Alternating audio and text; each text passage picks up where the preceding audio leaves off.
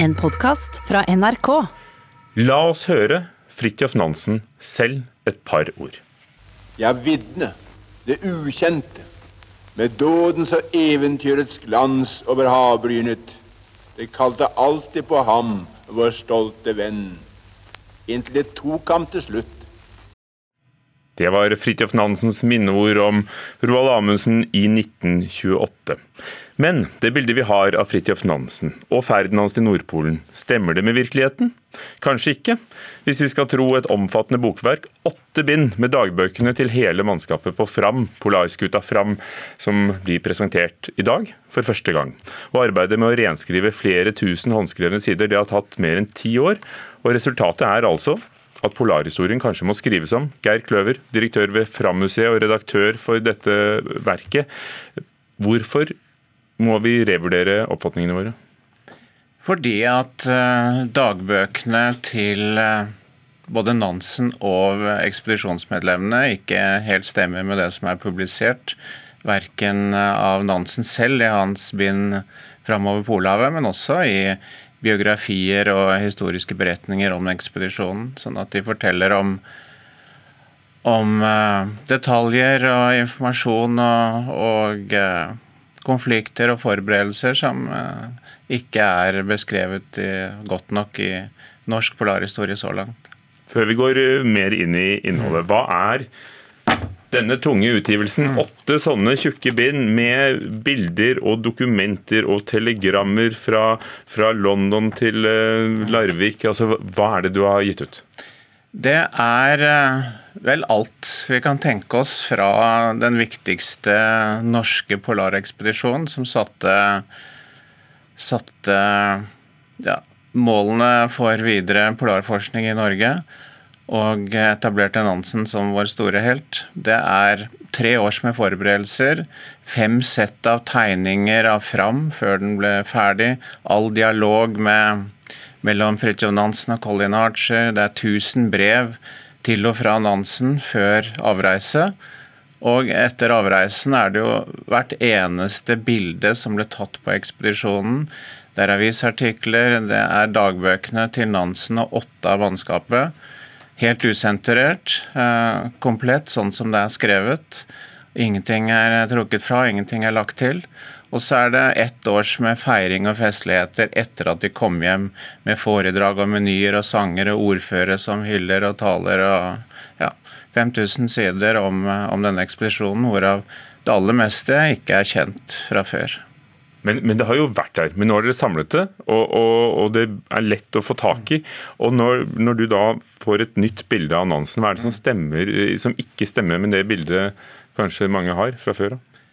Og også historikere. Det som har skuffet meg, er jo etter å ha lest eh, ekspedisjonen over hele sine fra guttedagene, at det var nok ikke så godt forberedt som eh, det vi skal ha det til, og som vi har skrytt på oss i over 100 år. Nansen var vel heller ikke den helt eh, solide og hyggelige leder om bord på ekspedisjonen, og skapte stor frustrasjon mellom mennene.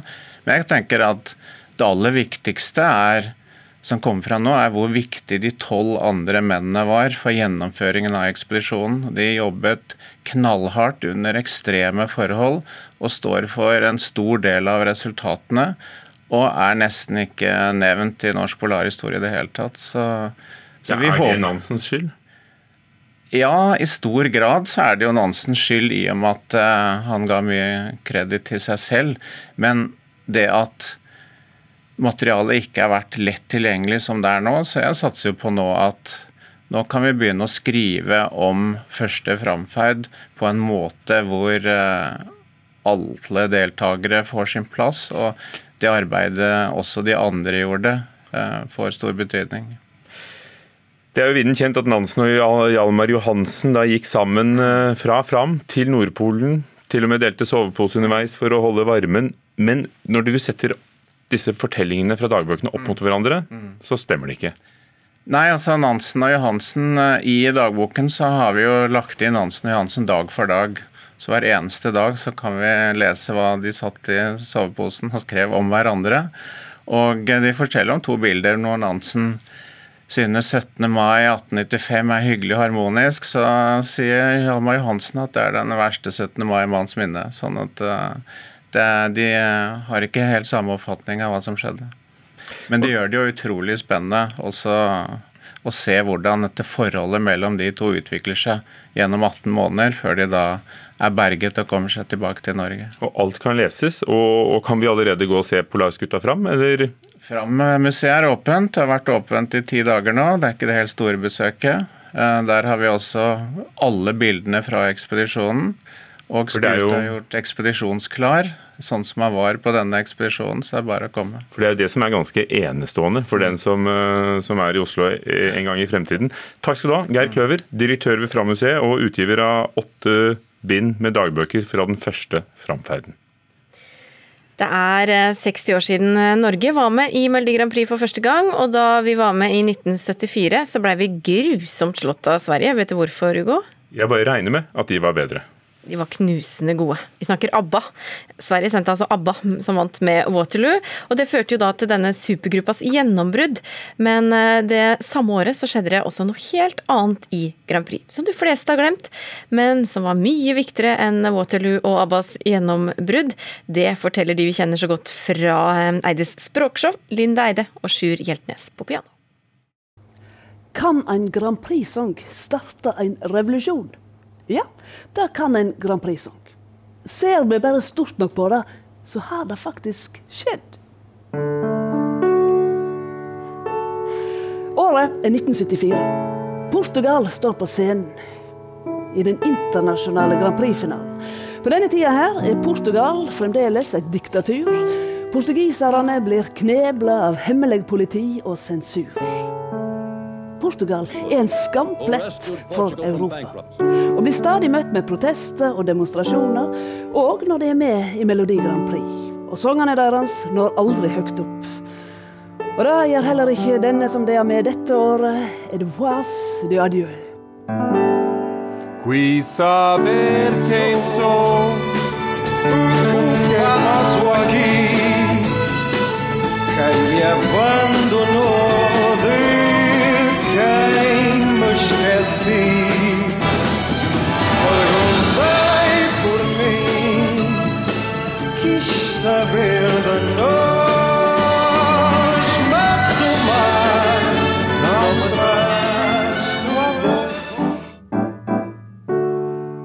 blir bare tre poeng og sisteplass. Men sangen skal få en helt spesiell plass i Portugals revolusjon. For våren 1974 har ei gruppe yngre offiserer fått nok. De vil ha Portugal inn i framtida. Og veien inn i ei demokratisk framtid skal gå via militærkupp. Det hemmelige signalet for å gå til aksjon er avtalt med radiostasjonen i Lisboa. Og klokka 10.55 den 24. april setter radiostasjonen på ei plate. Det hemmelige signalet, som er Nettopp den uskyldige Grand Prix. Em silencio amor Em tristeza en fin Hoy te siento en flor Eu te sofro en min Og mens Paolo de Carvalho synger på radioen, er revolusjonen i full gang. En særdeles snill revolusjon blir det. Bare fire mennesker blir drept. Og folkemassene går ut i gatene med nelliker og gir til soldatene. Nellikrevolusjonen i Portugal blir holdt fram som et forbilde for hvordan et moderne folk kan kaste en gammeldags diktator i det siviliserte Europa. Og startsignalet var altså en Grand Prix-sang. Om hva som skjer når kjærleiken tek slutt.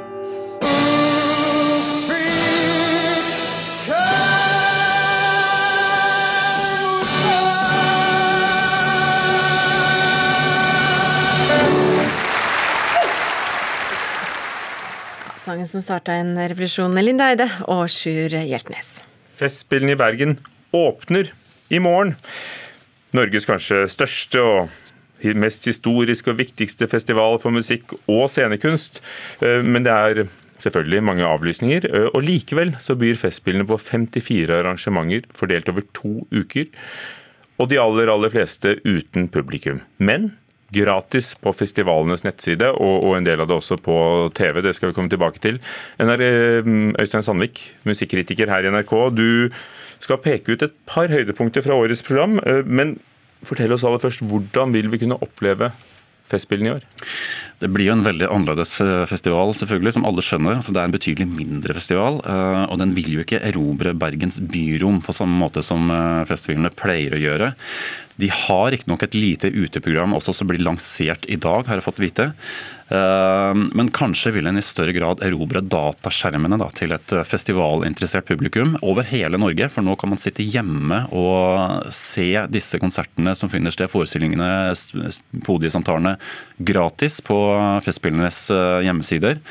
Og, og det blir liggende der en stund? Ja, det blir liggende der 30 eh, dager minst. Eh, stort sett noen kanskje litt færre dager. Og Det gjør at man vil kanskje oppleve det mer som en slags portal, en slags strømmetjeneste for klassisk musikk og andre scenekunstsjangre. Hvor det kommer et stadig økende tilfang av ting man kan se og nyte fra godstolen foran PC-en. Hvordan er programmet i år? Hvordan er profilen? Det er jo en festival som har mista veldig mange av de internasjonale toppnavnene. ikke sant? Altså Ote Lemper kommer ikke, Les A. Florisan kommer ikke, uh, Chiaroscuro-kvartetten kommer ikke. Heller ikke Vilde Frang uh, har muligheten til å komme fra utlandet. Uh, men desto mer vekt på norske klassiske utøvere. Og de satser veldig ambisiøst og tungt på det. Men det er klart at disse crescendo-musikerne, altså Crescendo er et mentorprogram for unge klassiske musikere. Et samarbeid mellom Festspillene og Barrat Due og Oslo-Filharmonien de spiller veldig mye i år. Det er dyktige unge norske musikere som står på terskelen til en internasjonal karriere, og de står for størstedelen av det klassiske programmet. Så blir det selvfølgelig litt andre ting. Det blir visesanger, i Moddi har en konsert. Det blir uh, Kind of Blue, jubileum med Mathias Eik. Og selvfølgelig Jon Fosse Teater og diverse podisamtaler osv. Har bedt deg peke ut to høydepunkter, Øystein Sandvik. Det vi skal høre nå, kan gi en, et hint om det ene.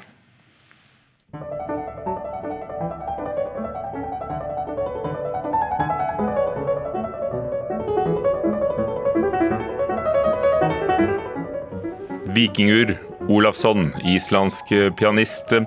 Dette er riktignok eh, Bach fra en plate han har fått pris for. og han, under, eh, han skal opptre under årets festspill, men det blir ganske annerledes? Ja, Det blir ganske spektakulært, vil jeg si. Og kanskje den store begivenheten både musikalsk og teknologisk. Det er klart at Festspillene har en tradisjon for å invitere noen av de hotteste pianistene i verden for den årlige fremførelsen av Griegs klaverkonsert i A-moll. Det er jo på en måte en årlig stor begivenhet. Eh, og i år har valget falt på Vikunger eh, Olafsson. Kanskje den hotteste hotteste pianisten i verden, og i hvert fall blant de yngre. Han har virkelig blitt et slags ikon og en veldig spesiell spillestil. Han skal spille sammen med Bergen Filharmoniske Orkester, men de skal ikke spille sammen fysisk. Han sitter i Harpa, altså Reykjaviks uh, nye konserthus.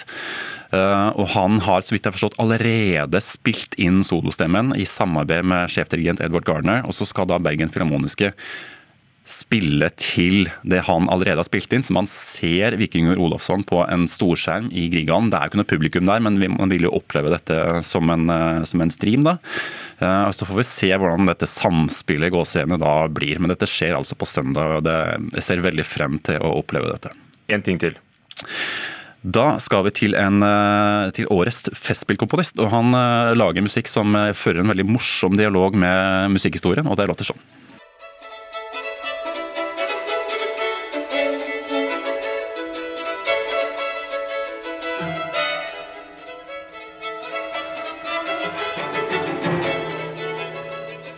Tyske Jørg Widmann er årets festivalkomponist i Bergen. Dette er uh, Jaktkvartetten, hans tredje strykekvartett, og, og, musikken hans blir fremført uh, litt mindre enn planlagt. Uh, Hvorfor et høydepunkt for deg? Nei, altså det, Han er jo en av de mest spennende komponistene akkurat nå. Faktisk den tredje mest fremførte komponisten i verden nålevende. Det visste jeg faktisk ikke, men han fører en veldig sånn spennende og fascinerende dialog med musikkhistorien, som vi hører her. Eh, en underholdende komponist, en spennende komponist. Interessant, det er smart, det er kult det han gjør. Eh, og musikken hans blir eh, fremført både på åpningen i morgen kveld og også på en konsert mandag neste uke på Trollhaugen med disse crescendo-musikerne og Leif Ove Ansnes. Det blir en begivenhet, så sørg for å få med det. Takk skal du ha, Øystein Sandvik, vår musikkritiker. Festspillene i Bergen åpner i morgen, det er på nettet, men NRK2 sender hver kveld hele denne uken. Så får vi håpe at folk klarer å koble datamaskinene sine på, på noe litt bedre lydanlegg enn de bitte små høyttalerne som ofte er inne i PC-ene. Du har hørt en podkast fra NRK. Hør flere podkaster og din NRK-kanal i appen NRK Radio.